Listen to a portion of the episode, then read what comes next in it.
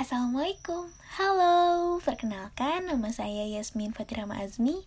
Saya adalah salah satu mahasiswi Universitas Pendidikan Indonesia.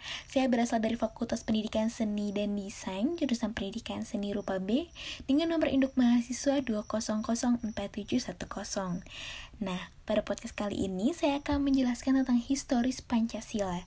Tapi sebelum jauh kilas balik, saya akan menjelaskan tentang dasar-dasar Pancasila dulu deh Biar kalian uh, ingat-ingat nih Pancasila ini kan dasar negara Indonesia. Di dalam Pancasila terdapat lima sila nih yang berbunyi satu Ketuhanan yang Maha Esa dua Kemanusiaan yang adil dan beradab tiga Persatuan Indonesia empat Kerakyatan yang dipimpin oleh hikmat kebijaksanaan dalam permusyawaratan perwakilan serta yang kelima adalah keadilan sosial bagi seluruh rakyat Indonesia. Lima sila itu memiliki lima nilai dasar yaitu ketuhanan, kemanusiaan, persatuan, kerakyatan, dan keadilan. Nah, nilai-nilai Pancasila tersebut kan pasti memiliki makna masing-masing ya yang harus diterapkan dalam kehidupan sehari-hari. Nilai-nilai Pancasila mencerminkan nilai-nilai dari tingkah laku bangsa Indonesia sendiri.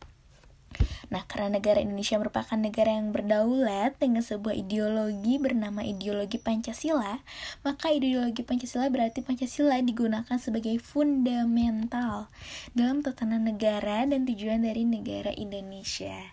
Nah, sekarang kita kilas balik nih. Kita kilas balik ke Pancasila dalam arus sejarah Indonesia. Nah, kalian tahu gak sih pada tanggal berapa Pancasila disahkan sebagai dasar resmi negara Indonesia. Ada yang tahu? Yap, Pancasila merupakan dasar resmi negara kebangsaan Indonesia sejak 18 Agustus 1945. Yap, satu hari setelah kemerdekaan Republik Indonesia. Nah, kemudian alur Pancasila dalam arus sejarah bangsa Indonesia ini terbagi menjadi tiga. Yang pertama adalah periode pengusulan Pancasila, yang kedua adalah periode perumusan Pancasila, yang ketiga adalah periode pengesahan Pancasila. Nah, pada yang pertama nih, kita ke masuk ke periode pengusulan Pancasila. Perumusan Pancasila pada awalnya dilakukan dalam sidang BPUPKI yang pertama yang dilaksanakan pada tanggal 29 Mei sampai dengan 1 Juni 1945. BPUPKI ini dibentuk oleh kepemerintahan Jepang nih pada tanggal 29 April 1945 dengan jumlah anggota yaitu 60 orang dan diketuai oleh Dr. Rajiman Widyo Diningrat. Nah, Diketahui bahwa sidang tersebut menampilkan beberapa pembicara nih. Salah satunya adalah presiden pertama kita yaitu Insinyur Soekarno, kemudian Mr. Muhammad Yamin, Ki Bagus Hardikusumo, dan Mr. Supomo yang, menu, yang menyampaikan usulan-usulan mereka tentang dasar negara menurut pandangannya masing-masing nih. Nah, pada tanggal 1 Juni 1945, Insinyur Soekarno menyampaikan pidato yang berisi lima butir gagasan tentang dasar negara, yang pada saat itu sedang menerima usulan-usulan nama Pancasila sebagai dasar filsafat negara.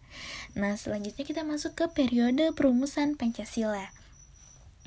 Sidang BPUPKI yang kedua pada tanggal 10 sampai 16 Juli 1945 adalah disetujuinya naskah awal pembukaan hukum dasar atau nama lainnya ada yang tahu?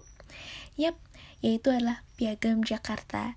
Apa sih Piagam Jakarta? Dalam garis besar, Piagam Jakarta itu merupakan naskah awal pernyataan kemerdekaan Indonesia.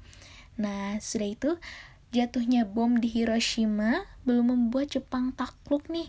Amerika dan sekutu akhirnya menyatukan bom di Nagasaki. Nah, sejak saat itu pada tanggal 9 Agustus 1945 yang membuat kekuatan Jepang melemah dan membuatnya harus menyerah tanpa syarat kepada sekutu pada 14 Agustus 1945 menyebabkan kekosongan kekuasaan. Ini tidak disia-siakan oleh para tokoh nasional. PPKI yang semula dibentuk oleh Jepang karena Jepang sudah kalah dan tidak bisa berkuasa lagi, maka para pemimpin nasional pada waktu itu segera mengambil keputusan politis yang penting nih. Selanjutnya kita masuk nih ke periode pengesahan Pancasila. Periode pengesahan Pancasila pada tanggal 12 Agustus 1945, ketika itu Soekarno, Hatta, Regimen dipanggil penguasa tinggi militer Jepang di Asia Selatan ke Saigon untuk membahas tentang hari kemerdekaan Indonesia. Perubahan kondisi yang sangat cepat menimbulkan kesalahpahaman nih antara kelompok tua dan kelompok muda, yang akhirnya terjadilah peristiwa Rengas Dengklok. Kalian tahu gak sih apa itu peristiwa Rengas Dengklok? Secara garis besar, peristiwa Rengas Dengklok adalah peristiwa penculikan yang dilakukan oleh sejumlah pemuda antara lain Soekarni, Wikana, Aidit, dan Khairul Saleh dari perkumpulan Menteng 31 terhadap Soekarno dan Muhammad Hatta. Peristiwa ini terjadi pada tanggal 16 Agustus 1945 pukul 3 pagi. Waktu Indonesia Barat, Soekarno dan Hatta dibawa ke Rengas Dengklok yaitu di Karawang, untuk kemudian didesak agar mempercepat proklamasi kemerdekaan Republik Indonesia, sampai dengan terjadinya kesepakatan antara golongan tua yang diwakili oleh Soekarno dan Hatta, serta Mr. Ahmad Surbajo dengan golongan muda tentang kapan proklamasi akan dilaksanakan, terutama setelah Jepang mengalami kekalahan dalam Perang Pasifik. Nah, setelah itu, sehari setelah proklamasi kemerdekaan Indonesia pada tanggal 17 Agustus 1945, kemudian pada tanggal 18 Agustus 1945 menghasilkan putusan-putusan yaitu mengesahkan UUD 1945 yang terdiri atas pembukaan dan batang tubuh, kemudian memilih presiden dan wakil presiden yaitu Soekarno dan wakilnya Muhammad Hatta, kemudian membentuk KNIP yang anggotanya intinya adalah mantan anggota PPKI. Nah, selesai nih tentang arus sejarah Pancasila. Kemudian di sini kita akan membahas alasan kenapa diperlakukannya Pancasila dalam kajian sejarah bangsa Indonesia.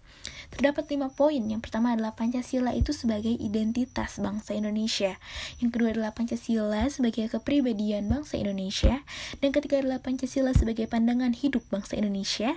Selanjutnya Pancasila sebagai jiwa bangsa. Dan yang terakhir adalah Pancasila sebagai perjanjian luhut.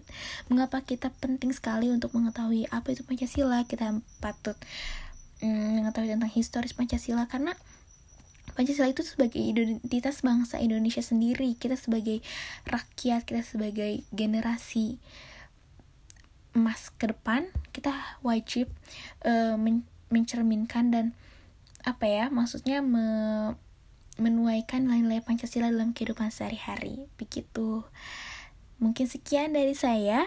Mohon maaf apabila banyak kekurangan Terima kasih telah mendengarkan podcast ini. Selamat malam, selamat pagi, atau selamat siang untuk yang mendengarkan. Terima kasih. Wassalamualaikum warahmatullahi wabarakatuh.